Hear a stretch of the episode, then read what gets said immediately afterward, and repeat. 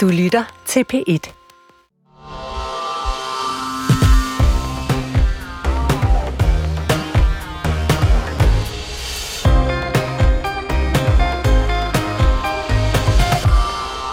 Det handler jo om at række hånden ud til nogle af de lande, vi ikke nødvendigvis en til en deler værdier med.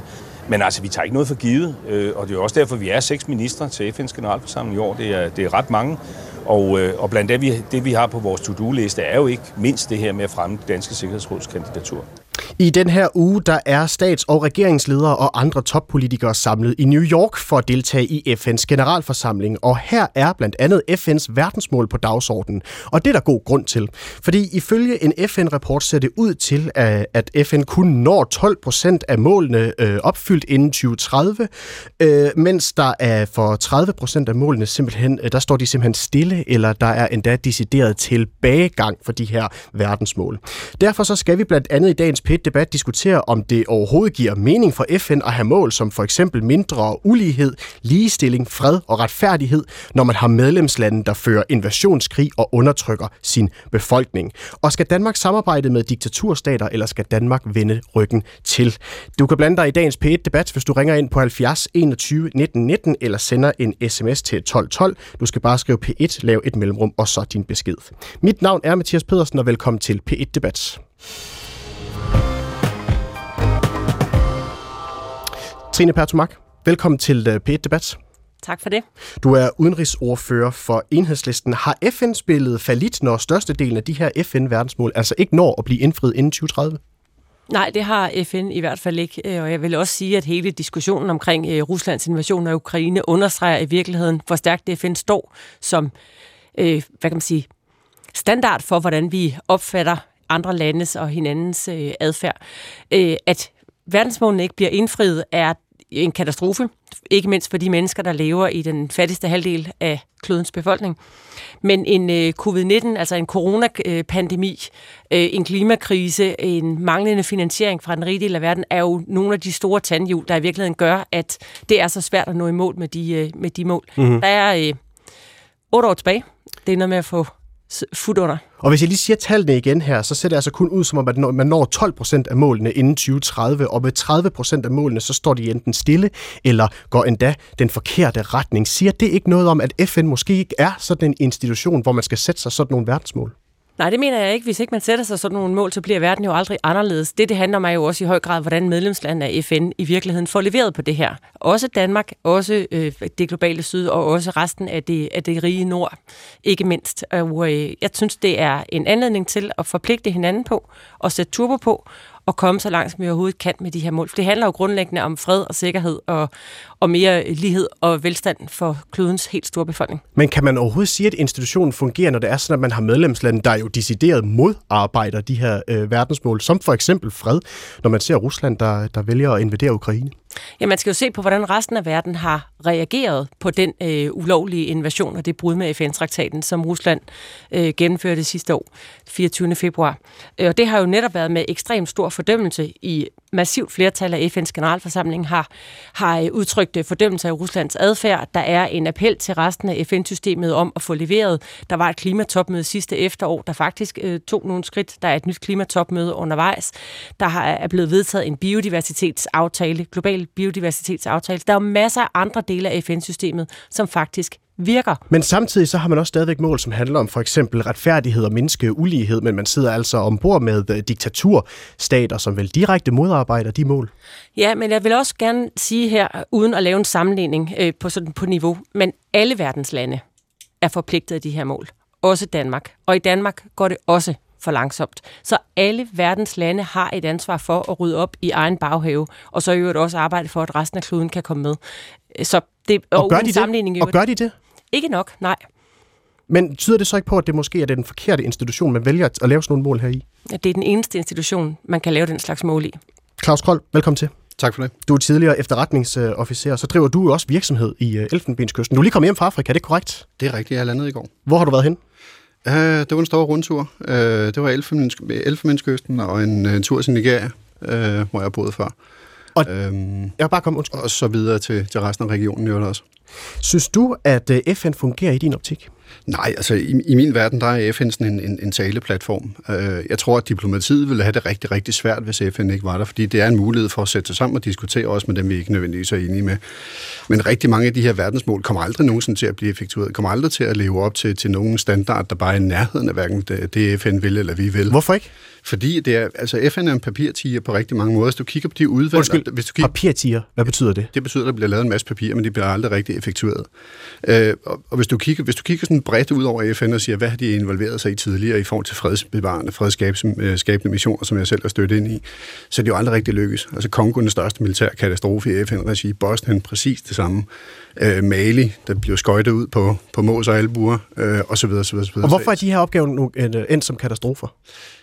Jeg tror, der er noget at gøre med, at, at FN omfatter jo hele verden. Og det vil sige, at der er så mange modsatrettede interesser i FN, at, at det er enormt svært at lave, lave konsensus om noget. Altså hvis vi kigger på ytringsfrihed, kvinders rettigheder osv., osv., osv., og man så ser, hvem der sidder som medlemmer af de forskellige kommissioner og organisationer i FN, så er det klart, at det ikke bliver til noget. Altså hvis du kigger på Saudi-Arabien, som har medlemmer, der sidder og kigger på frihedsrettigheder for kvinder, den er svær. Det kommer ikke til at blive til noget. Trine Patsmark? Men det er jo faktuelt forkert, at det ikke fungerer. Jeg vil jo sige, at øh, hvis vi tager andre typer militære interventioner, lad os tage Afghanistan, øh, lad os tage Irak, som jo ikke var FN, tværtimod, så har de jo heller ikke været nogen succeser. Altså i Afghanistan, der står Taliban stærkt ved magten. Det har været en kæmpe, altså vi blev nærmest helt ud af landet, eller amerikanerne gjorde sidste år, eller for i år i, i august. Øhm, det er rigtigt, der er meget papir. Det er der i, i store systemer. Det er der også i det danske udenrigsministerium. Det er der også i EU. Men det er sådan ikke det, der er pointen. Pointen er, at det er det sted, hvor alle verdens lande kan mødes og diskutere sager af global øh, betydning. Herunder klimaforandringerne, herunder biodiversitetskrise, herunder global ulighed, herunder finansiering af samme. Og når det faktisk, når jeg mener, det faktisk virker, så er det jo rigtigt, at FN's Sikkerhedsråd lige nu er er hæmmet af, at Rusland sidder som et af de, øh, af de fem øh, faste medlemmer. Det giver sig selv. Men generalforsamlingen har faktisk kunnet fungere, og de øvrige FN-organisationer og institutioner fungerer faktisk også. Og i virkeligheden, så tror jeg, man kan se det som en positiv ting, at den invasion har været med til at skubbe på for den opmærksomhed på, hvor vigtigt det er at have et verdenssamfund forankret i et FN, som netop er den der institution, eller den, det organ, der skal håndhæve international ret og international fred og sikkerhedsspørgsmål. Claus Kold? Der, der var den udfordring, kan man sige, at, at der er så mange modsatrettede interesser. Hvis du kigger på Bosnien for eksempel, og så hvordan den mission, der kørte i Bosnien, hvor krigen kørte, og hvor FN stod på sidelinjen gjorde ikke noget, tværtimod var de nærmest reaktionære.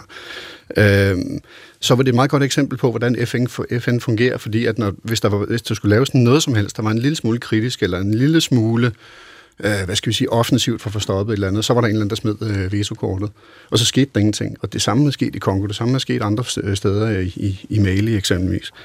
Øh, så du får ikke de her fredsbevarende, fredsskabende missioner i dag, som fungerer særlig godt. Og du er helt ret, Afghanistan røg ud.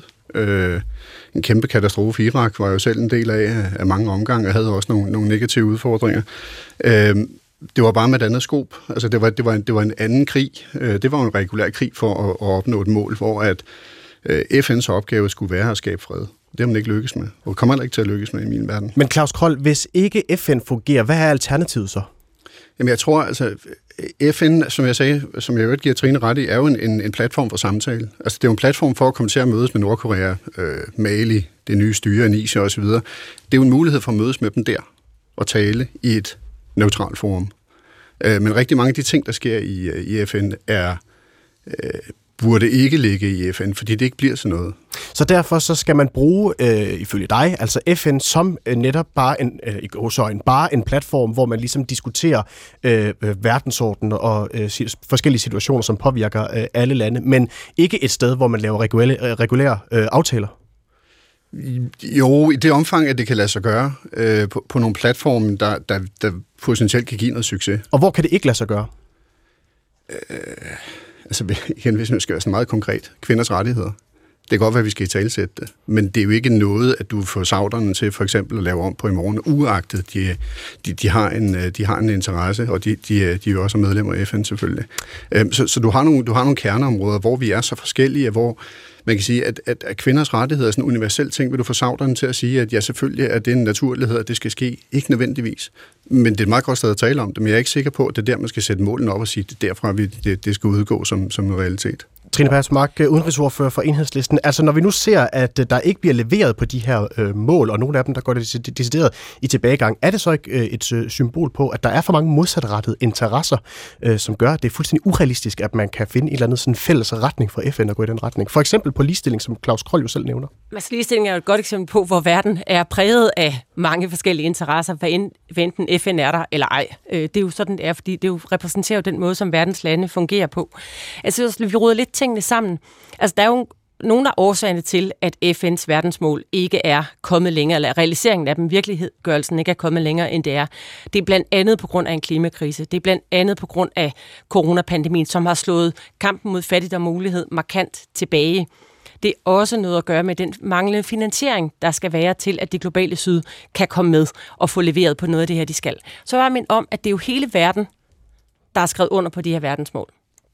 Det er jo noget, som det er ikke FN, der skal gennemføre det. Det er alle verdens lande, der skal med til at gennemføre det. Det er også den private sektor. Det er også civilsamfundet. Så på den måde er det jo en fælles aftale om, at man vil stræbe efter at gøre verden til et sted, hvor alle de her mål de er, øh, de er opfyldt. Henrik Dahl, er det ambitiøst? Ja, men Ja, tak skal du have. Henrik Dahl, velkommen til udenrigsordfører for uh, Liberal Alliance, så er du med os fra en uh, forbindelse af.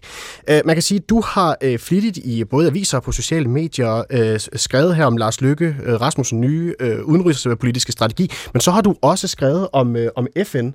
Og uh, noget af det, som du skriver, uh, for eksempel i en kommentar i Berlingske, der har du sagt, at FN snarere det er et absurd teater end et meningsfuldt politisk organ. Prøv at forklare, hvad du mener med det.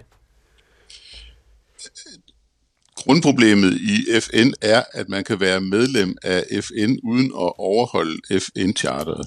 Og man kan oven i købet være permanent medlem af Sikkerhedsrådet uden at overholde øh, FN-charteret. Det var jo også det, Zelensky han sagde i sin tale til generalforsamlingen i går, og det har Zelensky jo ret i. Rusland overholder ikke FN-charteret, men det får ikke nogen konsekvenser. Kina overholder ikke FN-charteret, fordi de blev bortdømt øh, i en voldgiftssag om det sydkinesiske hav. Øh, og der er en række lande, som sidder i menneskerettighedsrådet, som vi allerede har hørt, der sådan set heller ikke øh, overholder øh, menneskerettighederne. Og det er jo absurd, at man kan melde sig ind i FN, og så har det ikke nogen konsekvenser, at man overholder grundlaget for FN, som man, når man træder ind i FN, skriver under på, at man vil overholde. Og hvad skulle konsekvensen være, Henrik Dahl? Altså skulle man smide Rusland helt ud af, af FN som en konsekvens af invasionen af Ukraine, eller hvad tænker du? Altså, jeg synes, at det spørgsmål, Zelensky rejser, er på sin plads, fordi både Zelensky og Duda, som er præsident i Polen, siger jo noget, som er rigtigt, men som i anførselstegn pæne mennesker er holdt op med at tale om, og det er, at Rusland har terroriseret Europa i over 100 år øh, i forskellige skikkelser, altså som Sovjetunionen og som Rusland. Og det har ikke haft nogen som helst øh, konsekvenser for Rusland. Så selvfølgelig skal det da have en eller anden form for konsekvens. Og så er det jo rigtigt nok det, der bliver sagt med, at FN er et godt sted at snakke. Man kan jo sige, at den her uge, hvor der er generalforsamling i øh, FN, jeg har selv været til den, det er sådan en Roskilde Festival for diplomater. Og det kan godt være, at der skal være en Roskilde Festival for diplomater, men man skal bare ikke tro, at der bliver sat øh, handling bag ved ordene, fordi interesserne er for forskellige arter. Og hvorfor noget øh, musik spiller man så på den her festival her, Henrik Dahl? Jamen altså, meget af det handler jo om at sige ting, der lyder rigtige, fordi FN er jo så lavet på den besønderlige præmis, at det gør ikke noget, at man ikke leverer på det, der lyder rigtigt. Altså, du kan skrive under på øh, FN-pakken, og det lyder jo fint med alt det, der står i FN-pakken. Der er bare lille der, det lille arbejde dabei, at man skal ikke overholde det. Og, og, og, og, og det gør jo bare, at det hele bliver lidt mærkeligt. Jeg tror også, at jeg kommer til at sammenligne det med Monty Python på et eller andet tidspunkt, fordi der er jo en osteforretning, der ikke har noget ost, og et eller andet sted, øh, og, og det synes alle jo på en eller anden måde er latterligt. Og FN, der har du også et menneskerettighedsråd, der ikke har nogen menneskerettigheder. Altså, det er lige så skørt, øh, men det har bare ikke nogen konsekvenser. Så Henrik Dahl, hvad, hvad er alternativet så? Altså skal vi øh, øh, lukke lortet her, nær sagt? Altså skal man, skal man melde sig ud? Skal Danmark melde sig ud af FN, hvis det er så absurd øh, et teater, som du kalder det? Det går jeg egentlig øh, ikke ind for, men jeg synes måske, vi skal være ærlige og sige, at det er en diplomatifestival, som bliver holdt en gang om året i New York, og det kan være meget godt at holde den her diplomatifestival. Men vi skal jo bare ikke knytte nogen særlige forhåbninger til det. Uh, der er jo også det, at man kunne jo godt forestille sig, at der måske vil komme nogle parallelle strukturer, hvor de rigtige beslutninger øh, bliver taget. Øh, vi ved ikke, hvad der sker endnu med, at BRICS-landene øh, bliver udvidet med øh, endnu flere udemokratiske lande. Men man kunne måske godt se for sig, at det er en parallel struktur, hvor forskellige slyngelstater øh, under ledelse af Kina kan diskutere, hvordan man øh, udbreder sin slyngelagtighed til for eksempel det afrikanske kontinent, og hvor man ellers kan udbrede sin slyngelagtighed.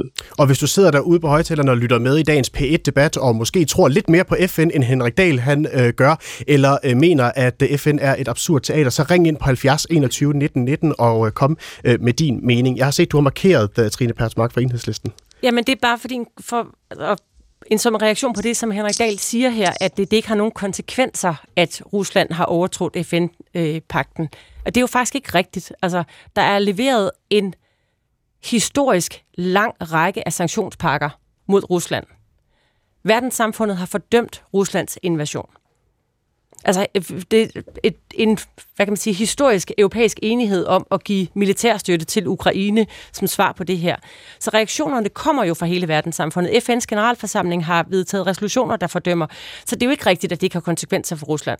Henrik Dahl? Men må jeg svare, må jeg, mm-hmm. må jeg svare på det? Ja, værsgo. Altså, jeg, jeg synes jo, Zelenskis tale er rigtig god, fordi han jo siger, hvorfor sidder der en slyngelstat øh, i Sikkerhedsrådet? Øh, og, og, og det det, der burde jo ikke sidde en slyngelstat i Sikkerhedsrådet. Det, som det handler om med sanktioner og med våben osv., det er jo, at der er nogle parallelle strukturer, øh, som kan levere på det. Der er Ramstein-processen, som er den parallelle struktur, der diskuterer våbenhjælp osv., og så er der EU, som diskuterer en lang række af de økonomiske sanktioner. Og hvis de parallelle strukturer ikke fandtes, var der jo ikke sket noget som helst øh, i forhold til øh, sanktioner, fordi så ville Rusland og så vil også Kina jo nedlægge øh, veto imod det. Hold ind, du skal nok få ordet igen, Trine Persmark. Vi skal lige byde velkommen til vores næste gæst, som er dig, Michael Ostrup. Velkommen til. Jo, tak. Udenrigsordfører for øh, Venstre. Er FN en stor, øh, hvad skal man sige, festival for diplomater og politikere? Altså, nu har jeg jo også været til FN's generalforsamling, ikke bare én gang, men faktisk tre gange. Øh, har du en dags billet og partout-billet? Øh, jeg havde partout-billet. Øh, øh de var, jeg var der i hvert fald flere uger øh, hver gang, men, men jeg hørte ikke musikken nogen steder, så jeg lidt rundt øh, på gangene. Men det, jeg derimod oplevede, det var jo faktisk, at hele verden er samlet. Øh, og alene det er jo faktisk en rigtig stor gevinst, og derfor er jeg jo faktisk enig med mine to sidekammerater øh, her i studiet, fordi da, det, det, hvis ikke du har det, så skulle vi jo opfinde det. Altså, det nytter jo ikke noget, og, og at vi ikke har et sted, hvor vi kan tale om tingene og prøve at finde nogle løsninger. Men så er jeg jo enig med Henrik øh, meget, meget klart øh, i, at når vi har en slyngelstat som Rusland, og til dels også Kina, som kører deres eget spil øh, fuldstændig ligeglade, jamen så har vi også brug for nogle organer ved siden af. Og det er jo også en af grundene til, at der var, tror jeg, at der var et meget stort flertal af danskerne, som jo faktisk stemte øh, for, at vi ophævede forsvarsundtagelsen vedrørende EU-samarbejdet. Det var fordi, de faktisk købte det argument, som vi var en lang række, der sagde, at vi har brug for også et stærkt EU, når vi har en ustabil verden.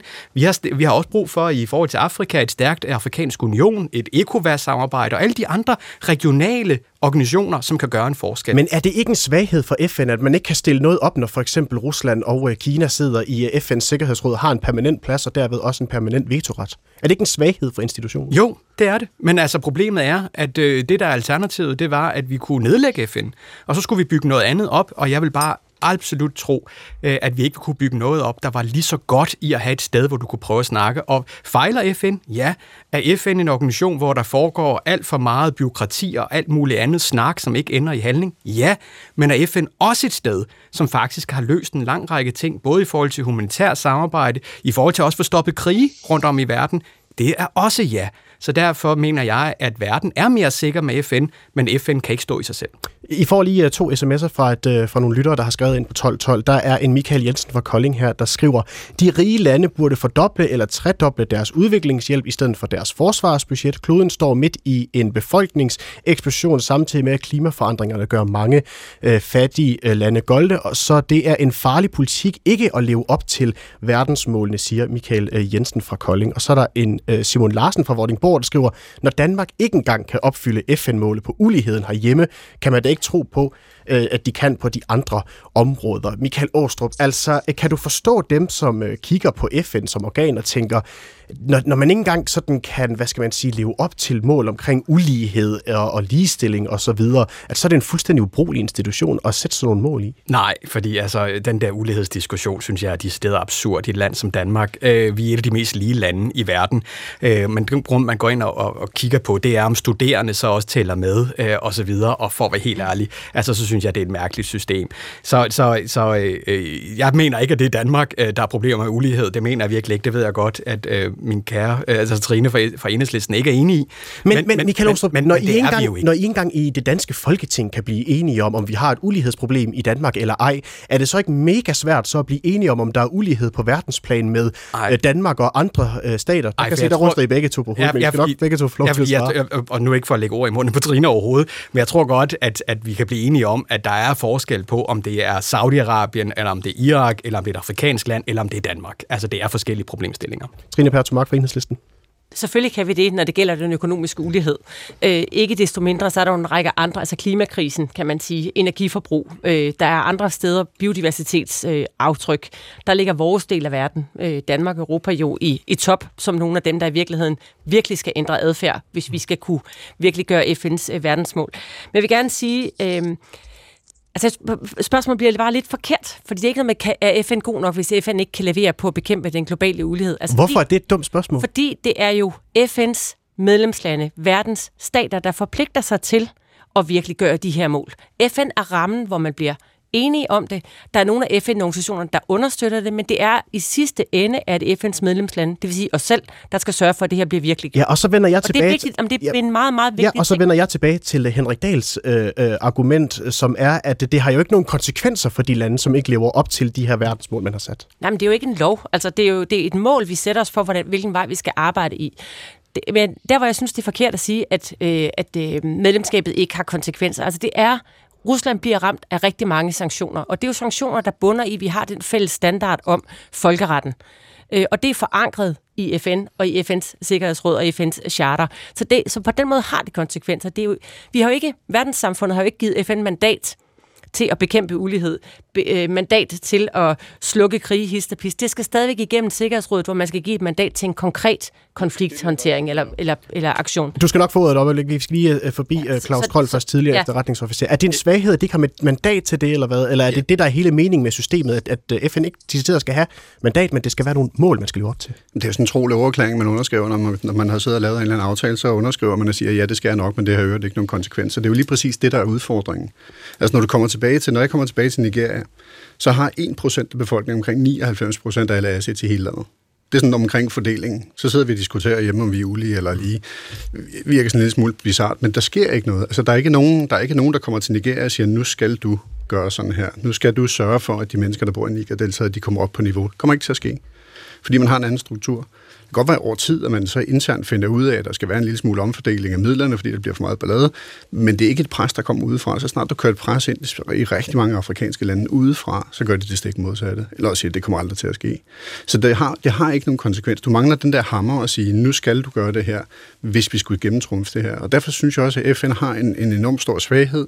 Der er ikke hammeren. Der er ikke nogen mulighed for at skubbe på dem og sige, nu skal vi komme dertil. Henrik Dahl, et øjeblik, jeg skal passe på, få Henrik Dahl først, du markeret. Jamen, jeg markerede, fordi at Trine øh, tog folkeretten frem øh, og holdt den op som noget positivt i FN. Men det har jo ikke nogen konsekvenser at bryde folkeretten i FN. Altså, Rusland har invaderet et land og flyttet grænserne. De har ikke bare invaderet et land, de har invaderet mange lande efterhånden. Ingen konsekvenser. Kina prøver at erobre det sydkinesiske hav. De er blevet underkendt i en international voldgiftsdomstol. Ingen konsekvenser. Der er talrige lande, der overtræder menneskerettighederne morgen, middag og aften. ingen konsekvenser. Altså, jeg synes, det bliver en mærkelig diskussion, når man bringer folkeretten på banen, uden at sige, jamen det har jo ikke nogen konsekvenser at overtræde folkeretten. Og det er jo ikke rigtigt, at Rusland står uden venner. Altså, Rusland har jo en meget fin ven i Kina, som jo er et enormt vigtigt land, et af de stærkeste økonomiske magter i verden, atommagt.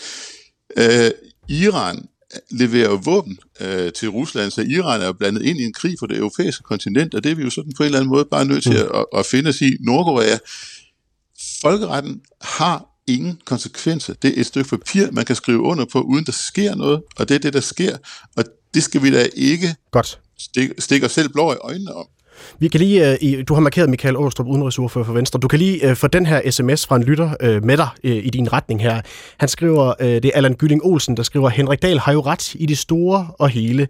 I 1980'erne var jeg i Israel som FN-officer. Her kaldte man UN, altså United Nation, i folketale for United Nonsense. Med venlig hilsen, Allan Gylling Olsen. Hvad er svaret til Allan, Michael Åstrup? Jamen, og det er det samme, som det også er til Henrik, at det er jo rigtigt. Men hvad er alternativet? Altså, det er jo der, altså min tidligere formand, øh, Anders Fogh Rasmussen, har jo talt om, at man bør have sådan en superliga af lande, og det er jo, er jo også en god tanke, og den støtter jeg faktisk langt hen ad vejen, men det udelukker jo ikke, at du skal have et sted, hvor du også taler øh, om de forskellige udfordringer, der er med alle verdens lande. Også dem, du øh, synes er potentielle fjender, øh, du synes er fjender, osv. Altså, det bliver verden bare et mere sikkert sted af, og, og, og der bliver jeg bare nødt til at holde fast i, at FN har jo stoppet krig rundt om i verden igennem dens historie. Den har fået stoppet en lang række krige, som ellers ville være kommet fuldstændig ud af kontrol. Og det er altså i sig selv, synes jeg, er et fantastisk formål. At vi så har nu to øh, medlemmer af Sikkerhedsrådet, som gør, hvad de gør, jamen det må vi så finde nogle andre organer til. Godt. I skal lige, spørgsmål til Michael? du får uh, lov om et øjeblik. Vi skal lige først have en uh, lytter på banen, der har ringet ind på 70 21 19 19. Det er dig, uh, Birte Refslund. Velkommen til. Jo, tak. Hvad er dit indspark, Birte? Mit indspark er, at jeg vil gerne se på, hvordan man gennemfører de, 14, de 17 verdensmål i Afrika. Og, og det gør jeg, fordi jeg har arbejdet i Afrika, og øh, jeg har en øh, master i Afrikastudier, og jeg ved, hvad jeg snakker om. Og øh, det, jeg synes er et stort problem med verdensmålene, det er, at man kan godt nok sidde i FN og vedtage den, men hvem er det, der vedtager den? Det er diktatur, Øh, hvad hedder det, øh, staternes ledere. Og når de så kommer hjem, så fortsætter de bare, som de altid har gjort. Og spørgsmålet er så, hvad gør vi da? Og det hele spørgsmålet drejer sig om magt. Og så længe disse her diktatorer og øh, militærkupledere beholder deres magt, så sker der ikke nogen fordeling af goderne til de fattige. Og det er det, jeg synes er det vigtigste. Og der er så lavet nogle undersøgelser i Afrika om, hvad disse her, regerings, her hvad hedder det, regeringsledere gør. Og almindelige mennesker vil gerne have et job. Mm. Og der kan de se, at der er ikke nogen af disse her diktatorer, som sørger for at sætte noget job igennem. Godt. Og så kan man spørge, hvad skal vi så gøre? Birte, Og, øh, Birte, Birte ja. det spørgsmål, det skyder jeg lige videre til uh, Trine Pertz Mark, som er udenrigsordfører for Enhedslisten. Det kan være, hun kan svare på det. Ja, ja. Jeg, jeg kan ikke give det endelige svar, men jeg synes, det er et virkelig godt spørgsmål, for det udstiller jo i virkeligheden, eller kan man sige det, ja, det, det illustrerer jo godt de udfordringer, der er med, at FN jo er staternes, hvad kan man sige, platform. Det er der, hvor stater og statsledere ligesom indgår aftaler. Jeg tror bare stadigvæk, jeg vil sige det sådan, hvis ikke man har verdensmålene som eksempel, eller nogle af alle de andre redskaber, som FN giver verdens lande, så har verdens befolkninger heller ikke nogen redskaber at presse deres egne ledere med. Når man har menneskerettighederne, kravet om retsstatsprincipper, ønsket om et job, så har man jo også med FN's verdensmål øh, redskaber til at presse sin egen regering og sige, I har skrevet under på, at I vil øge ligheden, at I vil sikre jobskabelse, at I vil passe på vores miljø osv. Så det er jo nogle af de, så hele, altså det er jo ikke, der, er jo ingen, der findes jo ikke et, et quick fix på verdens øh, uretfærdigheder, men et af redskaberne er jo FN's verdensmål. Og det er også mm. derfor, for at knytte en, en, en enkelt kommentar til de tidligere sms, du læste op omkring udviklingsbistanden. Det er jo en af grundene til, at vi også mener, at det med den danske udviklingsbistand og den hvad kan man sige, verdenssamfundets støtte til civilsamfundet rundt omkring i verden, det handler jo netop om, at mennesker selv skal have redskaberne til at kæmpe deres rettigheder igennem over for deres diktatorer og undertrykkende regimer, samtidig Mm. med, at man lægger et politisk pres udefra. Så, så øh, bare for Må at sige, jeg derfor er det så så- vigtigt, at man har det samarbejde også med civilsamfundet og styrke dem til at kæmpe, øh, hvad kan man sige, et bedre samfund igennem, der hvor de er. Birte?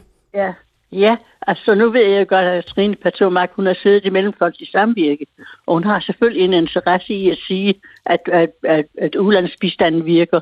Jeg vil gerne gå ned i, i de selve de afrikanske lande og spørge, hvordan skal man få gennemført øh, øh, at disse her statsregeringsledere sørger for at uddelegere så meget magt, at ungdommen får deres uddannelse og får et arbejde. Og der har du problemet, der er ingen opposition, som kan stå op imod disse stats- og regeringsledere. Det er meget, meget svært. Jeg spiller og også det lige, er lige det, vi skal ind og arbejde med. jeg spiller også lige bolden over til dig, Claus Krøll, fordi du er jo selv erhvervsmand i øh, Elfenbenskysten, så du ved jo lidt om, hvordan man arbejder, øh, i hvert fald i nogle afrikanske lande. Kan du følge det, som Birte Refslund her, hun siger? Ja, ja, absolut. Altså, man kan sige, at Afrika skal hives ud af, ud af, af dønnet, om man så må sige, på mange måder, gennem ECOWAS, gennem, øh, gennem den afrikanske union, øh, gennem andre initiativer, der er i Afrika, og ligesom afspejler de forhold, de har. Øh, fordi der er, langt, der er rigtig langt fra Lagos, eller fra Abidjan, eller fra Niamey, eller hvilken som helst hovedsted, øh, til, øh, til, til, til New York. Der er ikke så langt øh, fra til hovedsædet i, øh, i, i ECOWAS, for eksempel for dem, som er sådan en sammenslutning af afrikanske eller vestafrikanske lande. Øh, så det skal, komme, det skal komme lokalt fra, det skal komme med deres afsæt, det skal komme med deres virkelighed. Øh, og så kan man sige... Hvad, gør, hvad, må jeg spørge dig, hvad vil du så gøre i Uganda?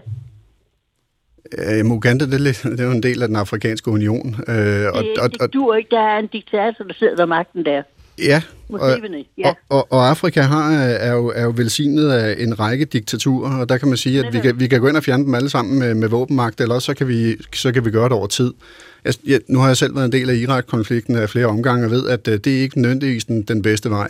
Så derfor tror jeg, at man skal gøre noget, noget andet for Afrika. Det hedder middelklasse, det hedder vækst, det hedder udvikling. Det er den vej, Afrika skal for at komme på, på benene. Godt, Birte, tusind tak for dit uh, indspark, og tak for at ringe Må ind. jeg lige sige, må jeg lige sige Det skal der dele er være kort. ingen, Der er ingen middelklasse i Afrika. Der bliver rystet lidt på hovedet herinde, kan jeg i hvert fald uh, sige dig. Birte, tusind tak for at, melde ind i dagens uh, P1-debat. Det var så lidt. Tak. Hej. Og så bevæger vi os lige en lille bitte smule videre i dagens øh, øh udsendelse, fordi at, øh, som jeg nævnte i introen, så er i den her uge stats- og regeringsledere og andre toppolitikere samlet i New York for at deltage i FN's generalforsamling. Og i dag der skal udenrigs, øh, udenrigsminister Lars Løkke Rasmussen holde tale i FN's Sikkerhedsråd, og det gør han, fordi regeringen ønsker, at Danmark øh, får en plads ved bordet. Og øh, hvis det skal lykkes, så kræver det altså opbakning fra lande, som vi nødvendigvis ikke er enige med. Det handler jo om at række hånden ud til nogle af de lande, vi ikke nødvendigvis en til en deler værdier med. Men altså, vi tager ikke noget for givet, øh, og det er også derfor, vi er seks ministre til FN's generalforsamling i år. Det er, det er ret mange.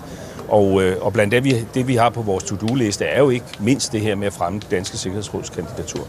Og med sig så har øh, Lars Løkke Rasmussen altså også et ønske om, at Danmark skal skabe et mere ligeværdigt samarbejde med for eksempel afrikanske lande, uanset om det er demokratier eller øh, militærdiktaturer. Og øh, det skal vi altså diskutere nu her frem til øh, 13.30 i øh, P1-debat, om vi kan, skal samarbejde med lande, uanset om det er demokratier eller militærdiktaturer. Ring ind øh, på 70 21 19 19 eller send sms til øh, 12 12. Du skal bare skrive P1, lav et mellemrum og så din besked. Og så kigger jeg over på dig igen, øh, Michael Åstrup, udenrigsordfører for Venstre. Altså, hvorfor er det, vi skal sam- samarbejde med lande, som vi nødvendigvis ikke deler demokratiske værdier med? Fordi det nytter ikke noget at være oppe på den høje hest, fordi så øh, falder du og slår dig ret hårdt. Øh, øh, fordi der er en ustabilitet i verden, ikke mindst i Afrika, hvor der foregår et geopolitisk kamp øh, med øh, Rusland ikke mindst, som engagerer sig mere og mere, men også Kina, som engagerer sig øh, rigtig markant. Og hvis vi i Vesten bare bliver ved med at sige, at vi vil kun være øh, i dialog med dem, som øh, har noget, der minder om et europæisk demokrati, jamen så taber vi den geopolitiske kamp. Altså så ender det med, at flere og flere afrikanske lande tilslutter sig øh, nogle lande, og det betyder bare, at vi vores sikkerhed bliver presset i Europa, øh, og, og det går jo ikke. Så det her ligeværdige samarbejde, det kommer altså som en, en øh, hvad skal man sige, som en konsekvens af den sikkerhedspolitiske øh, situation, så det er altså også noget, der skal komme Danmark til gavn. Ja, absolut. Altså helt konkret er det jo også spørgsmål i forhold til migranter. Altså det er jo ikke tilfældigt, øh, at øh, statsministeren blandt andet har været på besøg i, i Ægypten.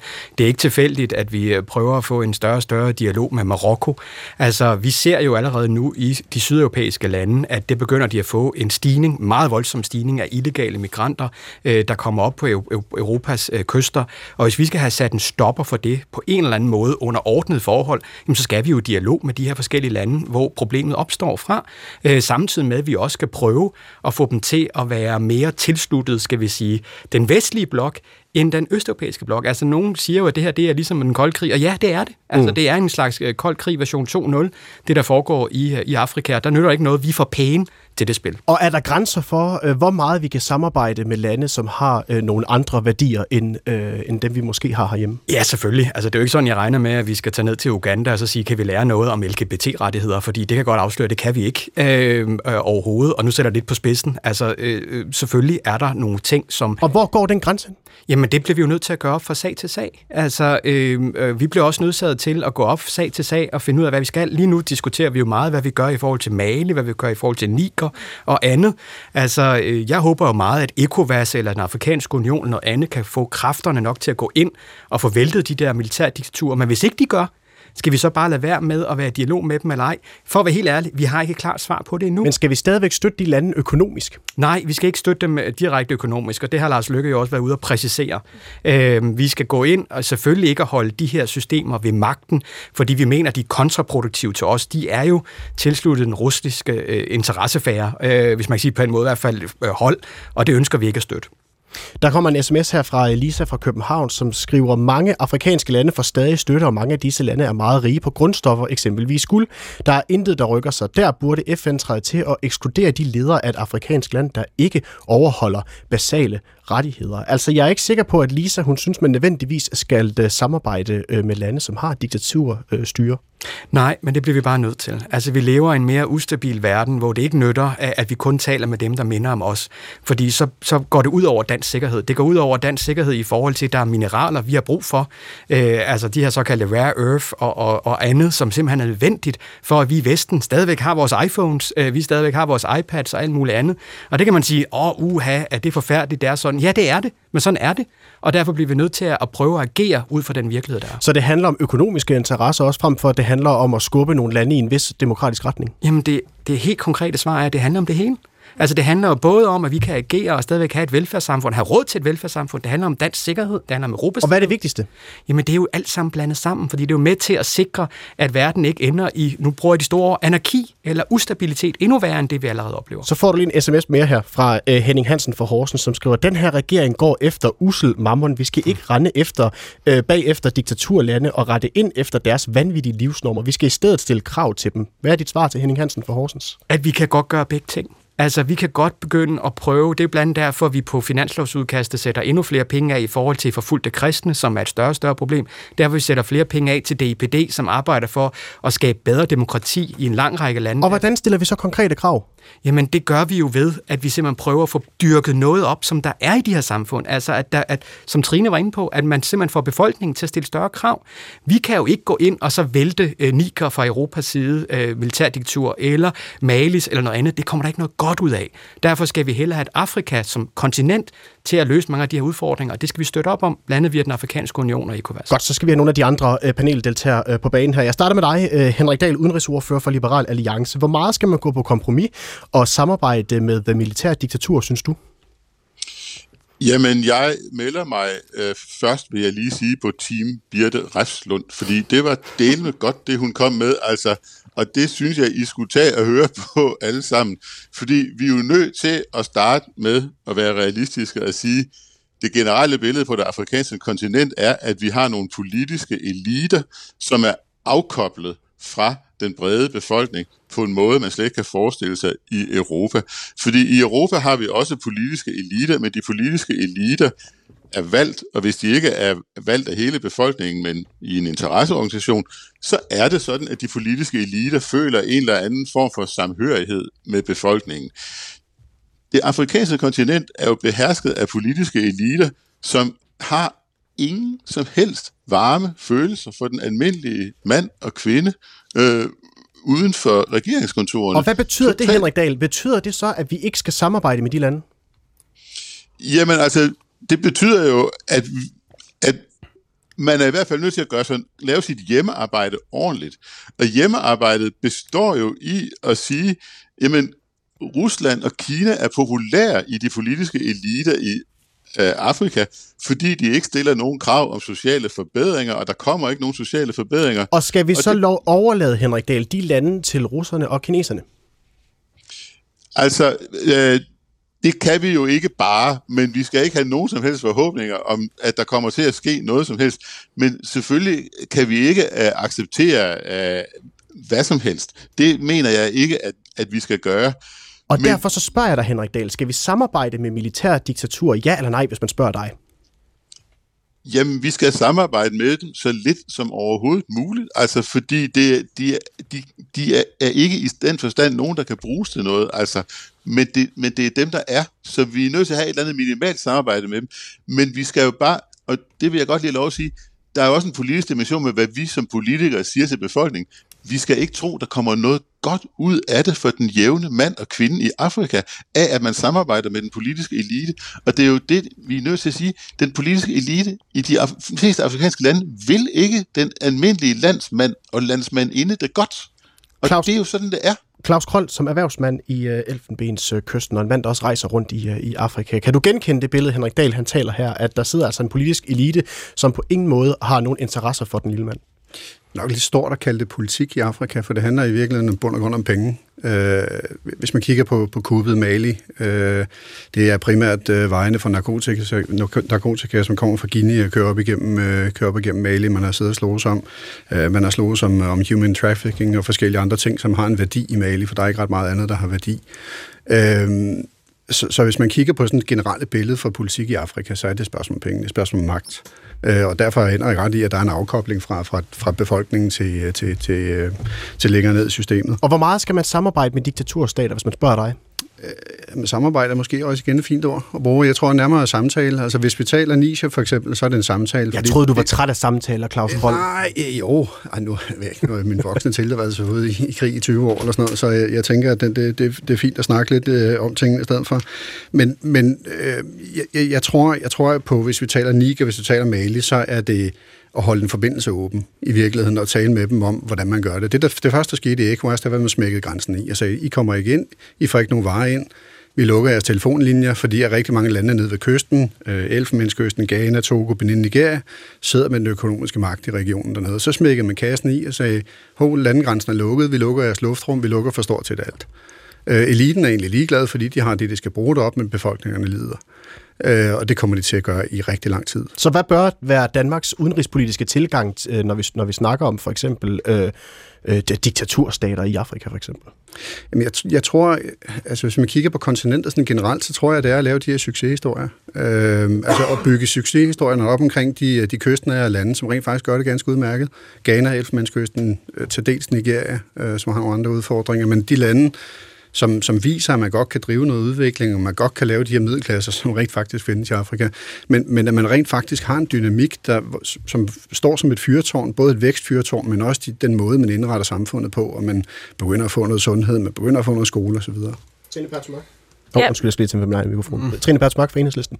Jamen, altså, når man siger, skal vi samarbejde med, så er det jo et spørgsmål, der dækker 117 forskellige ting. Altså taler vi diplomati, taler vi udviklingsbistand, taler vi øh, erhvervssamarbejde, taler vi handel, taler vi partnerskaber. Øh, og hvis svaret på alle de her fronter er nej, så kan vi vinke farvel til atomaftaler med Iran, vi kan vinke farvel til nedrustningsaftaler eller gensidig våbenkontrol under den kolde krig. Og hvad så, hvis svaret er lidt af det hele? Men det er bare for at sige, derfor, derfor vi pærer lidt tingene sammen her. Mit udgangspunkt er det, at selvfølgelig skal man, jeg tror også lidt, det er det, Michael mm. øh, Åstrup i står og siger, selvfølgelig skal vi ikke støtte et øh, militært diktatur eller et militært regime i Mali, men vi kan jo ikke svigte den mal- malisiske eller maliske, maliske befolkning. Der kom min grammatik lige til kort. Øh, er også min, du får befolkningen i Mali. Ja. Øh, vi kan jo ikke svigte de afrikanske befolkninger, som kæmper for faktisk mere rettig- flere rettigheder, job, uddannelse, velstående økonomier, retten til selv at definere deres fremtid. Og det er jo dem, der i virkeligheden også skal være vores parlament. Det skal ikke kun være lederne, det skal også være de befolkninger. det vil jeg og, godt derf- sige noget til. og derfor er det vigtigt at forstå, det, det, det diplomatiske spor, i mine øjne, skal man holde åben længst muligt med flest muligt. Det er det sted, vi har til at tale med vores aller værste fjender. Og hvad med det her med at skabe ligeværdige samarbejds, diskussion. samarbejdsaftaler, som er noget af det, Lars Løkke Rasmussen han er ude på Jamen, se, det er jo der, det begynder at blive lidt interessant, fordi det dækker i virkeligheden over også lidt af det hele, og det er svært helt at forholde omkring det stykke sæbe, som den der øh, pragmatiske idealisme, den er. Fordi i virkeligheden lyder det rigtigt, vi skal ikke komme og, og presse værdier i hovedet på folk, og så lukke døren, hvis ikke vi tager dem. Samtidig så handler det også om, at vi skal kunne lave erhvervssamarbejder, våbeneksport og våbenhandel med alle mulige øh, obskure regimer rundt omkring i verden. Og det er jo alt det indimellem, der virkelig definerer, om det her det er klogt, eller det virkelig, virkelig er en farlig kurs, man er ude på. Henrik Dahl, jeg har godt hørt dig, men du er også med på den anden side af radiovisen, så jeg lover, jeg skal nok vende tilbage til dig. Michael Åstrup, han skal forlade os lige om et øjeblik, så jeg tænker, at du i virkeligheden lige får lov til at svare på det, Trine Pertumak lige har sagt. Altså, vi er ude i en global kamp øh, med nogle øh, totalt store modstandere. Og hvis ikke vi så at sige spiller med på hele banen, øh, jamen så kommer vi til at tabe kampen. Øh, og derfor så er det her også et spørgsmål om sikkerhedspolitik. Det her, det her er også et spørgsmål omkring, om kan vi lave en eller anden form for samarbejde. Fordi hvis ikke vi gør det, hvis ikke vi er klar til det, jamen så står der nogle lande, der er alt for villige til at sige ja. Det Så det er være. samarbejdsaftaler, det er erhvervsaftaler, det er, det er eksport osv. Det er så at sige hele paletten, som vi bliver nødt til at have med ind til bordet. Så er det jo ikke nødvendigvis, at vi tilbyder det til alle lande, fordi det er jo ikke sådan, at man bare kommer og siger, at vi tilbyder det, hvis ikke vi får noget tilbage. Og derfor handler det selvfølgelig om en forhandling om, kan vi få noget igen i forhold til spørgsmålet om, at I så øh, tilslutter jer den vestlige blok og så videre, men vi bliver nødt til at kunne være klar på de forhandlinger, for ellers så taber vi. Og her der sætter vi lige et kort stop øh, for den her øh, P1-debat, men vi er tilbage igen efter en radiovis, der var tre minutter. Jeg siger farvel i mellemtiden til dig, Michael Åstrup, udenrigsordfører for Venstre. Tak fordi du kiggede forbi. Vi fortsætter den samme snak øh, på den anden side af en radiovis, der kommer her, hvor klokken den er blevet 13.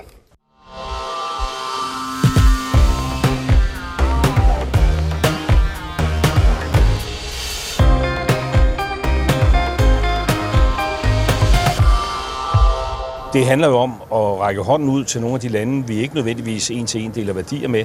Men altså, vi tager ikke noget for givet, øh, og det er jo også derfor, vi er seks ministre til FN's generalforsamling i år. Det er, det er ret mange.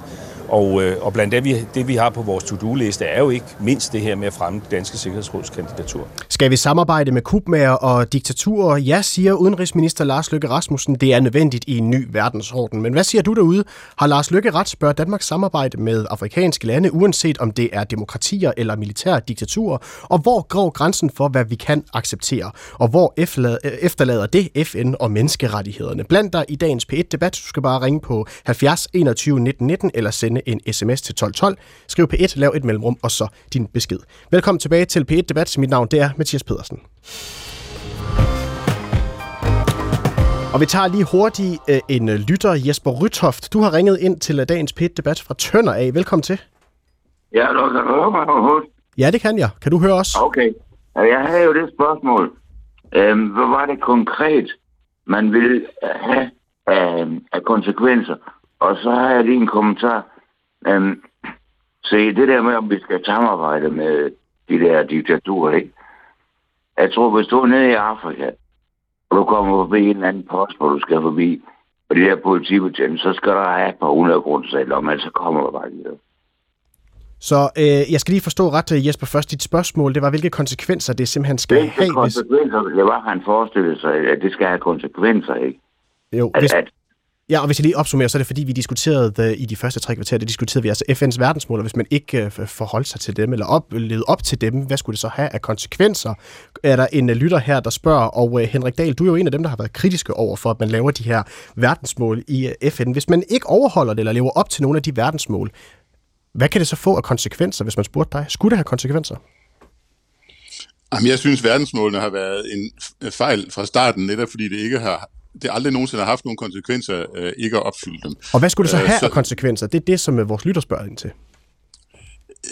Jamen altså, jeg synes, projektet er absurd, så det synes jeg ikke rigtigt, at jeg skal, at jeg skal svare på, fordi det, det er jo absurd at lave en eller anden opgave, hvor der ikke sker noget, hvis man sjofler den. Altså, så, så, så jeg synes, hele projektet er skørt. Men jeg vil godt gå tilbage til Zelenskis tale, fordi den blev holdt på talerstolen i, ved FN's generalforsamling, og han siger, at Rusland skulle da smides ud af Sikkerhedsrådet, og det er jeg enig med Zelensky i. Altså, ud af Sikkerhedsrådet med Rusland, det er en terrorstat, og i form af Sovjetunionen har de terroriseret Europa siden 1917. Det er på tide, nogen siger det. Øh, vi skulle have sagt det for rigtig lang tid siden. Reagan han sagde det, men Rusland har terroriseret Europa i over 100 år. Altså, så ud, de har ikke nogen plads der. Godt. Det kunne være for eksempel et konsekvens. Det var et svar til dig, øh, Jesper Ryshoff. Lad os gå videre til i øh, dagens øh, PET-debat.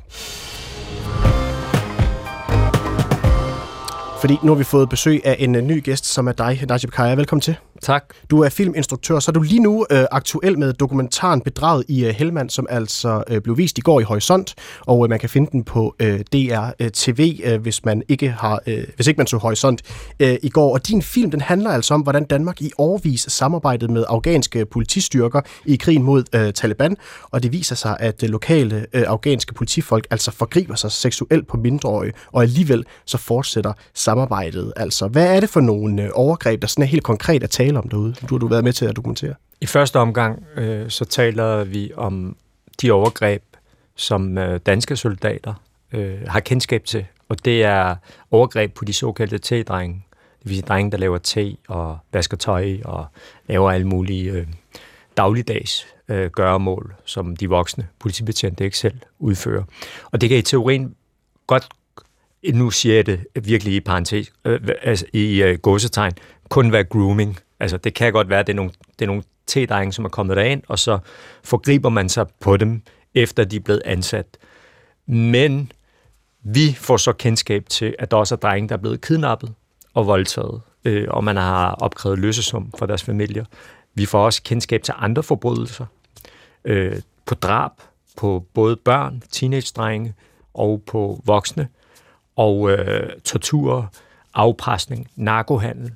Det vi prøver at dokumentere i filmen, det er, at det, den, den her politistyrke dybest set er et narkokartel, som man samarbejder med. Det kunne lige så godt have været Sinaloa-kartellet i Mexico, man allierede sig med, og havde et mål om at indføre et stabilt øh, samfund med lov og orden. Og hvor meget af det her havde man øh, kendskab til blandt øh, for eksempel danske soldater? For de danske soldaters vedkommende, jamen så havde man kendskab til seksuel misbrug af børn. Det havde man kendskab til, og man rapporterer det op, og man får at vide, at man skal ignorere det og se bort fra det. Og der har været enkelte tilfælde, hvor de har stoppet det. De danske soldater beslutter sig for, hvis de ser det med deres egne øjne, at så stopper de det. Men de bliver simpelthen tvunget til at fortsætte med at samarbejde med dem. Der er ikke andet at gøre. De er dernede for at gå i krig, og det er deres alliancepartner. Ja, hvad er forklaringen på, at man ikke bare kan øh, gribe ind nødvendigvis over, øh, over for alt det, man ser dernede, der, der, der henviser til for eksempel overgreb? Altså rent praktisk for de danske soldaters vedkommende, så betyder det jo, at de skal gå i krig med dem, som skal have deres ryg. De er dernede for at bekæmpe Taliban. Og hvis de lige pludselig begynder at starte en konflikt med de her afghanske politistyrker, jamen øh, så kan de øh, altså komme i baghold. Øh, de, kan, altså, de kan blive presset af to parter. Det kan koste dem livet i yderste fald. Så det er en umulig situation, som de kommer i. Jeg tager et lille klip med fra øh, bedraget i uh, Helmand, som vi lige kan få lov til at høre her. Der var faktisk 14-15 øh, drenge der, som blev brugt som øh, øh, sexslaver. Vi er i deres politistation, så hvis jeg skulle komme ind nu i et rum, og en af de her T-drenge øh, er ved at være sammen med en ældre øh, politi, øh, afghansk politi, hvad jeg så skulle gøre. Nummer et, så kan der blive en konfrontation, så hvor jeg kan ende med i sidste ende at skulle skyde ham, eller han skyder mig. Og så kan vi, hvis man regner den videre, jamen, så kan vi alle sammen ryge baghold. De kan jo vende sig mod os når som helst. Najib Kai, kan det være en nødvendighed, hvis man vil føre for eksempel pragmatisk udenrigspolitik, at man er nødt til at vende det blinde øje til øh, ting som øh, for eksempel overgreb? Det kommer an på. Altså, jeg, jeg tror på, at man nogle gange skal vælge det mindste onde, hvis man skal opnå et eller andet. Men det, i det her tilfælde, så er man i Afghanistan for at skabe et bedre samfund. Øh, Danmark er der for at skabe et alternativ til Taliban. Og man vil gerne, gerne have, at det afghanske samfund, de afghanske myndigheder, de respekterer flere menneskerettighedskonventioner, end de gjorde under Taliban. Og at øh, der er en eller anden form for lov og orden. Men mens man er der, jamen, så, ser man, øh, så, så har man kendskab til soldater, der forgriber sig på børn. Senere hen er der andre soldater, britiske og amerikanske, der har kendskab til andre former for forbrydelser, drab, kidnapninger og voldtægter og narkohandel. Mm-hmm og så kigger man den anden vej. Og der tænker jeg, okay, hvad var det egentlig, der var målet, hvis man skal æde nogle af de her handlinger her? Altså hvis man skal sluge de her kameler, hvad er egentlig formålet med det? Så bliver det hele forplumret jo. Hvis, hvis, det man, hvis metoden til at opnå noget godt, altså hvis metoden til at opnå det er værre, øh, altså end det, der var før, hvorfor er man der så egentlig? Mm. Og nu tror jeg nødvendigvis ikke, man skal drage direkte paralleller til øh, den udenrigspolitik, som, øh, som øh, udenrigsministeren han pladerer for i forhold til mere pragmatisk tilstand. Men der kan jo være øh, andre grader af øh, for eksempel øh, over, altså brud på menneskerettigheder. Sådan noget. Man kan være nødt til at, øh, og hvad skal man sige, ignorere, hvis man vil føre en ud, øh, udenrigspragmatisk stil. Er det ikke nødvendigt, tror du? Det er nødvendigt nogle gange, tænker jeg, at man øh, ser igennem fingre med nogle ting i, i forbindelse med diplomati, for eksempel. Lige nu, der har vi en meget øh, svær situation i Afghanistan med, med mangel på sundhedsklinikker, man har mangel på fødevarer nogle steder. Øh, så man har, man har brug for hjælp i Afghanistan. Men samtidig med det er der et totalitært styre, Taliban, som undertrykker sin egen befolkning. Og der er jeg tilhænger af, at man øremærker midler, så man er 100% sikker på, at de kan komme befolkningen til hjælp og undgår at styrke Taliban. Øh, hvis man kan gøre det på den her måde her, så er det fint nok, at man har en eller anden form for dialog. Og jeg mm. tror også på, at man kan have en dialog med diktaturstater, fordi man prøver at påvirke dem. Der findes aktører, der findes individer i diktaturstater, som er mere imødekommende øh, over for argumenter og som på en eller anden måde kan agere som brobygger, så man på en eller anden måde kan trække nogle af de her samfund i den rigtige retning. Men man, man må for i verden ikke anerkende dem. Man må ikke blåstemple dem. Man må ikke lave en forskelsbehandling, altså hvor det er tydeligt. For eksempel, nu kommer jeg med en meget direkte sammenligning, fordi det gælder også dansk udenrigspolitik, især amerikansk. Saudi-Arabien og Iran for eksempel. Iran er en forfærdelig totalitær stat, undertrykker sin egen befolkning. Men Saudi-Arabien har været værre i sin undertrykkelse af sin egen befolkning, end iranerne har været. Kvinder i Iran, som er undertrykt, det skal virkelig understreges, altså at, at, at de, altså, der er en forskelsbehandling. Kvinder uh, lever i et apartheid-samfund, men det er meget mere altså, voldsomt i Saudi-Arabien end i Iran. Hvordan kan det så være, at vi har haft et ret normalt forhold til Saudi-Arabien i så mange årtier, og det har amerikanerne også? Det er jo fordi, det handler om geostrategi, det handler om andre ting. Det handler ikke om værdier, altid. Mm. Og det, der, der, der vil jeg bare gerne have, at man melder altså, klart ud og siger, at det er det, det handler om. Altså, vi er faktisk nogle gange nogle hyklere, fordi der er nogle andre ting, der bliver vægtet højere. Og nogle gange er det ikke engang på grund af Danmarks interesser, så er det jo bare fordi, vi er en del af den koalition med USA. Og det skal man bare indrømme. Det er man jo nødt til på en eller anden måde, hvis man skal se på det realpolitisk, altså hvis jeg skal se på de argumenter, der er for det, altså nogle af de mennesker, som, som er en tilhænger af den koalition, mm-hmm. så siger de, ja, men så har vi Rusland, og vi er truet. Okay, men så lad os sige det som det er. Vi er pisse bange for Rusland. Vi bliver nødt til at altså, acceptere, nogle af de ting, som USA nogle gange beder os om at ligesom, at, hvor, følge trop. Ikke? Og er det ikke også det, vi hører fra øh, udenrigsministeren lige nu her, at der er et forandret verdensbillede, som vi er nødt til at forholde os til, og derfor så er vi af den årsag nødt til at indgå samarbejder med for eksempel diktaturstater? Jamen, det har vi altid gjort. Det, altså, jeg, jeg synes, det er lidt provokerende, fordi man får det til at lyde, som om det er noget nyt. Det gjorde man også under Anders Fogh, under den såkaldte værdi, altså, altså den regering, som førte en værdipolitik, der havde man et fantastisk samarbejde med masser af diktaturstater i Mellemøsten. Øh, og der, altså, der, hvad, hvad, hvad er ligesom det nye? Det nye i det, kan man så sige, der skal, det skal han have credit for, Lars Løkke, at han, han er mere ærlig, end Anders Fogh var. Han melder, han melder klart ud. Mm. Claus Kroll, øh, udover at du er erhvervsmand med virksomhed i Elfenbenskysten, så er du jo også tidligere efterretningsofficer. Du har jo sagt det flere gange, at du jo for eksempel har været øh, i Irak for eksempel. Mm. Øh, nogle af de ting, som bliver beskrevet her i, øh, i Navikarias øh, øh, dokumentar her, er det noget, der overrasker dig? Nej, overhovedet ikke. Altså, vi har jo, siden at vi startede faktisk helt tilbage fra Bosnien, da vi, da vi, da vi fik sort hat på og blev NATO, har der jo været sådan en afstandstagen i forhold til at fortælle, hvad det er egentlig, vi, vi laver, og hvad har det konsekvenser. Og derfor er jeg også lidt spændt på, om Lykke han i virkeligheden vil stå, stå på mål for den her ærlighed, når han bliver konfronteret med de her ting. Altså næste gang, du, øh, Najib, han laver en eller anden øh, fremragende dokumentar et eller andet sted fra, vil Lykke stilles op og sige, ja, det, det, er, det er resultatet af den dogmatiske udenrigspolitik. Det, det, det glæder jeg mig voldsomt til at se. Jeg tror ikke, det kommer til at ske. Men er det resultatet? Er det her, som, som, som bliver dokumenteret her, er det øh, resultatet af at føre en pragmatisk udenrigspolitik? Nej, altså Irak og Afghanistan er to helt separate ting. Der sendte vi tropper til, til de to lande. Det har vi trods alt ikke gjort til Korea, det har vi ikke gjort til, til, til alle mulige andre steder, øh, hvor, der er, hvor der er despoter, der, der lever i totalitære systemer. Øh, så, så der er en, en, en voldsom gradsforskel på at være der øh, og, og, og tale med dem øh, eller samarbejde med dem på anden måde økonomisk. Øh, men lige, den, lige det her tilfælde har det været sådan en berøringsangst, politisk berøringsangst, både i Irak og Afghanistan, hvor man godt vidste, at der skete en masse ting, som ikke var efter bogen. Øh, altså, jeg, jeg ved ikke, hvor mange gange der er meldt tilbage i systemet, at øh, der sidder øh, sølvpapir i øh, der, hvor der skulle sidde en sikring, så hvis der er nogen, der laver bevidst kortslutning på en eller anden ud bagved, så, øh, så går sikringen. Men det var der ikke, så sad der sølvpapir i, i stikkontakten. Altså, de ting bliver jo ikke kendt herhjemme. Det er jo ikke noget, du kan stille dig op på en talerstol og fortælle herhjemme øh, mm. til, til herre fra Danmark, fordi så bliver du flået ned af FK. Og hvis der så kommer en politiker bagefter og siger, at det her foregået, øh, så kender man ikke noget til det. Så er lige den information desværre spildt på en eller anden harddisk, der gik i stykker engang i, i, i, i 95. Ikke? Men en ting er, hvad der foregår, når man for eksempel er i en krigszone, for eksempel. Noget andet er jo, at der foregår jo også overgreb mod øh, civilbefolkningen i for eksempel diktaturstater i øh, Afrika for eksempel. Er det noget, man er nødt til at vende det blinde øje til, øh, hvis man skal føre pragmatisk udenrigspolitik? Jamen altså, vi har jo altid talt med de her diktaturer. Vi har jo altid haft en åben linje til stort set alle. Vi har altid talt med, vi, vi har på mange måder også handlet med de her diktaturer sådan lidt under bordet, man har bare ikke sagt det særlig højt. Og jeg tror, der ligger en eller anden symbolpolitik i rigtig meget af det her, hvor at du kan lave et, et, hvad skal vi sige, sådan officielt samarbejde, som bliver hypet, som bliver sagt, se, nu gør vi det her gode for, for, for den her nation, eller i samarbejde med den her nation.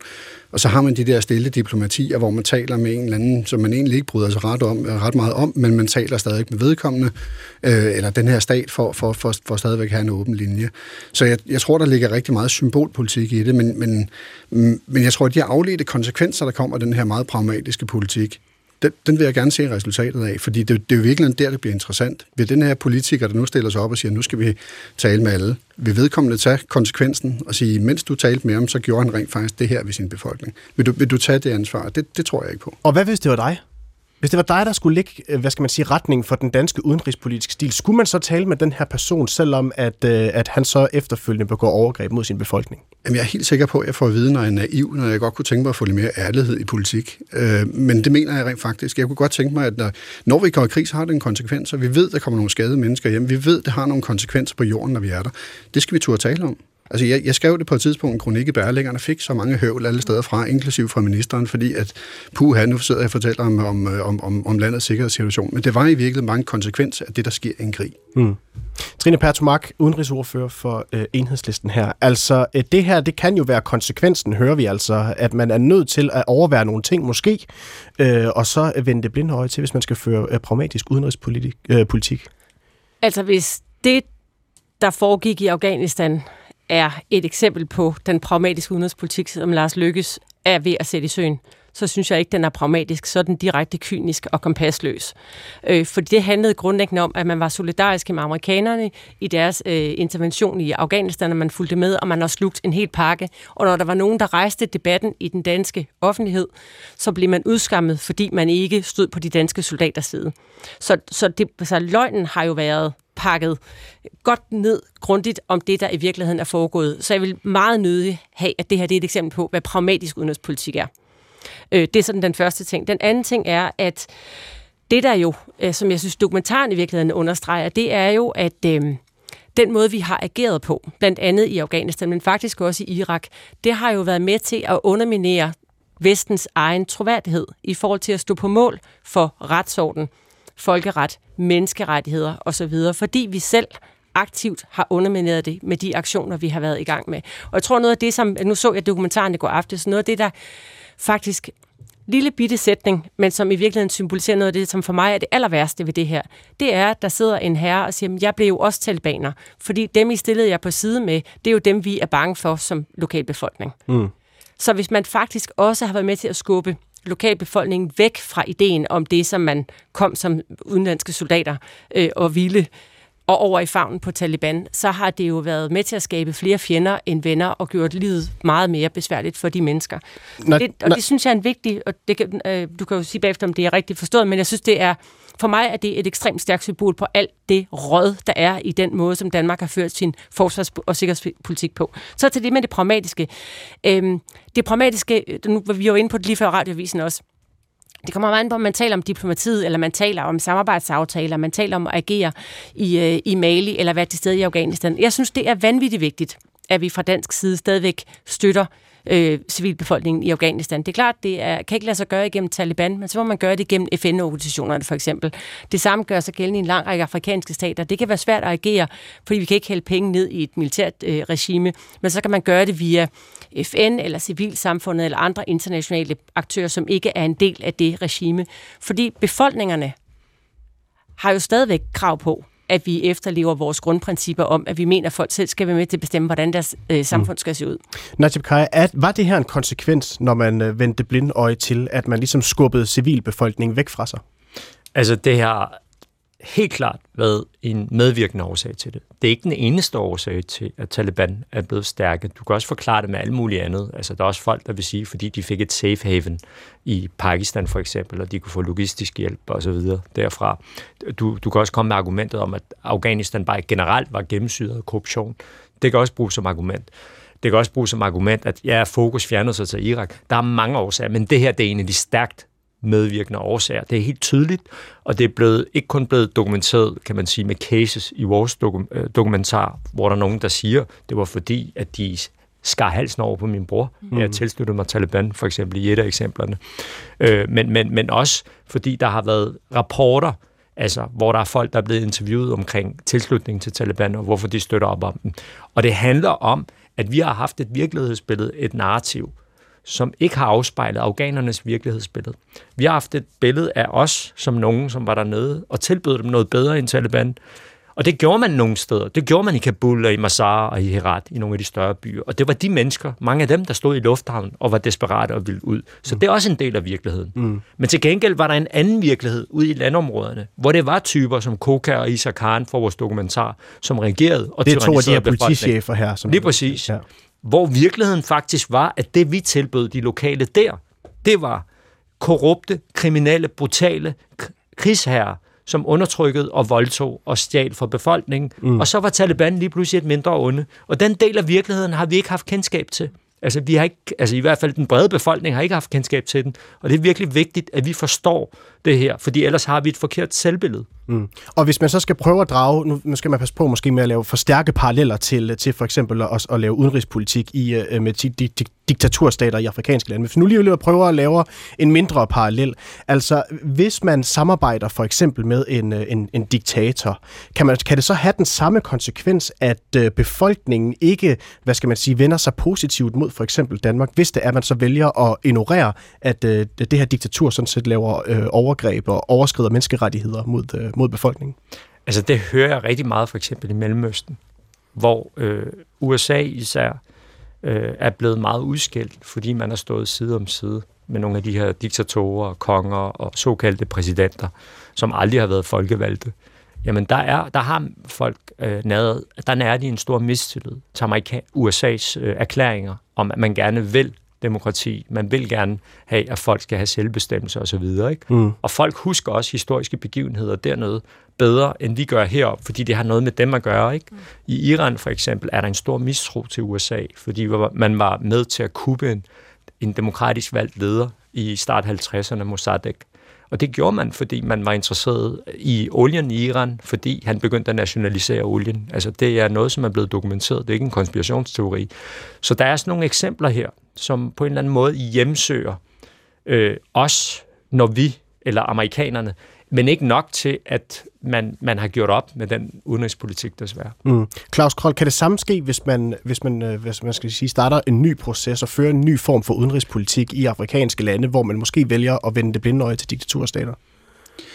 Altså, jeg, det, man kan sige, i, i hele kubbæltet, som, som er Mali, Burkina, øh, Niger, øh, Chad, øh, Sudan for den sags skyld, øh, der tror jeg, vi skal passe ufattelig meget på at gå, øh, gå for meget i, i samarbejde med, med de øh, regimer, der er der, fordi de er der ikke på, for det første er det der sandsynligvis ikke voldsomt lang tid, og de er der udelukkende af økonomiske magtårsager. Øhm, så jeg tror, man skal passe meget på med at gå for tæt på dem. Altså de lande, vi skal, vi skal have tættere samarbejde med, hvor vi kan bruge den her symbolpolitik øh, og, og, og hype vores samarbejde med dem, det er de her flagstatsnationer, som, som rent faktisk findes i Afrika. Og hvorfor er det, vi skal passe på med at lave samarbejder med, med de lande? Fordi vi ikke skal slås i harskorn med en, med en diktator i Nisha, eller for den sags skyld i Mali. Som, og tror du så, så sker der det samme, som, øh, som Najib Kaya her beskriver, at så vender øh, civilbefolkningen mod, sig mod en, eller hvad? Nej, altså der er en meget stor forskel på, øh, der er en meget stor forskel på at sende en, en militær styrke afsted, uanset om det er med, med blå hat eller sort hat på, om du er FN eller NATO, eller hvad det nu er, øh, og så tale med dem. Der er en ret stor forskel. Altså du legitimerer jo et eller andet ved, at vi var i Afghanistan, og ved, at vi var i Irak, uagtet at vi gjorde som soldater alt, hvad vi overhovedet kunne for at udrydde de der forskellige ting, som, øh, som på et, eller andet, på et eller andet niveau er sådan lidt en, en, en faktor ved at være der, at du bliver nødt til at agere i det miljø, du er i. Mm. Og så til at bare tale med folk, så legitimerer du det ikke på samme måde. Men når vi har en styrke der, så, så vil man også kigge på os og sige, hvorfor gjorde I ikke noget? Hvorfor, hvorfor prøvede I ikke øh, at, at ændre det, og det? Og hvorfor vil civilbefolkningen ikke sige det, hvis man laver et, et decideret sådan samarbejde med en regering, for eksempel? Det er også det, jeg siger. Det skal man ikke. Mm. Altså, vi skal holde en linje åben og tale med vedkommende, men vi skal ikke lave et stort samarbejde. Man skal gøre ligesom ECOWAS gjorde, hvor man lukker landegrænserne. Uh, man lukker deres telefonlinjer. Man sørger for, at der ikke er noget, uh, der ikke er noget handel, der kører op og ned, uh, sådan, sådan, så det kommer til at gøre økonomisk ondt på dem. Mm. Og så, kommer du jo til at stå i det dilemma. Hvad kan man så i forhold til folk, der sulter? Øh, store dele af Nigers befolkning, store dele af Malis befolkning er afhængige af ting, der kommer udefra. Hvad gør man med dem? Øh, fordi hvis du giver dem noget at spise, understøtter du så øh, det, det siddende regime? Ja, i princippet. Men man kan heller ikke lade folk sulte, så derfor vil du hele tiden stå med et dilemma. Derfor er udenrigspolitik jo en, en, en vanvittig svær størrelse at have med at gøre, også udført i praksis, fordi du altid vil komme til at stå i nogle dilemmaer, mm-hmm. uanset hvordan du gør. Du vil altid kunne blive slået hardcore med, hvorfor gjorde du ikke noget? Henrik Dahl, øh, udenrigsordfører for Liberal Alliance, du er også øh, stadigvæk med os. Er du ikke det, Henrik? Nej, jeg tror simpelthen, vi lige har mistet uh, Henrik Dahl. Spillet over til dig, Trine Pertumark fra Enhedslisten i stedet for. Jeg kan nok ikke helt svare det, Henrik Dahl vi gerne ville have svaret. Men Nej, du kommer nok til at svare noget andet, tænker jeg. ja, altså, jeg, jeg synes, det der er den store forskel i den her, eller det der er det store, hvad kan man sige, det store krog i den her diskussion, det handler i virkeligheden om, at man stadigvæk er interesseret i at gøre noget for at give mennesker hederlige levevilkår andre steder på kloden? Eller er man kun interesseret i det geopolitiske spil, at russerne skal holdes ude, kineserne skal holdes ude? Eller er man interesseret i Afrika for de afrikanske landes befolkningers skyld? Øh, og det er jo to meget forskellige tilgange til, hvordan man opererer. Er vi interesseret i partnerskaber med afrikanske lande for at fremme dansk erhvervsliv, eller er vi interesseret i det, fordi vi har brug for, at alle lande kommer ind i kamp for den grønne omstilling, øh, for hele at bekæmpe klimakrisen? Er vi interesseret i det for at skabe retfærdig udvikling i landene? Altså er vi interesseret i befolkningerne og befolkningernes levevilkår? Og kan det ikke være lidt af det hele? Det kan det godt, men problemet er bare, at det har, altså det, man bliver i tvivl om, når Lars Løkke taler om sin pragmatiske udenrigspolitik, det er jo, om han stadigvæk har det kompas, der handler om menneskers rettigheder, menneskers levevilkår. Eller at det grundlæggende handler om, at det må vi sidde overhørt for at kunne holde døren åben til øh, de afrikanske, i det her tilfælde afrikanske landes ledere. Og det, det bliver det springende punkt, om det bliver pragmatismen, der bliver til kynisme og erhvervsfremme, eller det i virkeligheden handler om, at vi skal genetablere vores egen troværdighed og vores egen tillid, også hos de afrikanske lande, for den kommer fra langt under nul. Claus Kold. Nu er det jo ikke nødvendigvis kynisme at drive erhverv, kan man sige. Det, ene, det ene udelukker ikke det andet. Og man kan udenrigspolitik. Sige, ja, men, men, men udenrigspolitikken er jo også borget en del af det kommercielle, og kommersiel udvikling er med til at understøtte de her middelklasser, med til at udvikle øh, de afrikanske lande. Og hvis du kigger på de afrikanske lande, der rent faktisk gør det godt, så er det jo dem, der har en stigende middelklasse. Det er dem, der rent faktisk begynder at få bygget noget infrastruktur. Det er dem, der begynder at have noget sundhed og noget skole, der fungerer. Det er dem, der rent faktisk begynder at fungere. Hvis du kigger på de her meget fejlslagte stater, der ligger i Mali, Burkina osv. i kubbæltet, de har ingenting og de har ikke fået den udvikling. Hvis du kigger ned på de kystnære øh, lande, så har du set en helt anden udvikling, og det har man, fordi man har haft kommersiel interesse, der er investeret massivt i havne, der er investeret massivt i infrastruktur, og det smitter af på befolkningen, og det kommer også på et eller andet tidspunkt til at trække skole og sundhed op, fordi at man begynder at stille nogle krav til uddannelse. Det var, hvad vi nåede i øh, dagens udsendelse af Pet Debat, men I skal alle sammen have tusind tak for at lægge vejen forbi øh, studiet, og tak til alle jer, der ringede og øh, sendte sms'er ind til dagens program.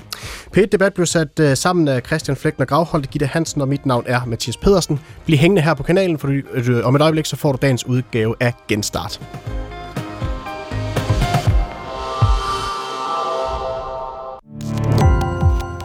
Gå på opdagelse i alle DR's podcast og radioprogrammer. I appen DR Lyd.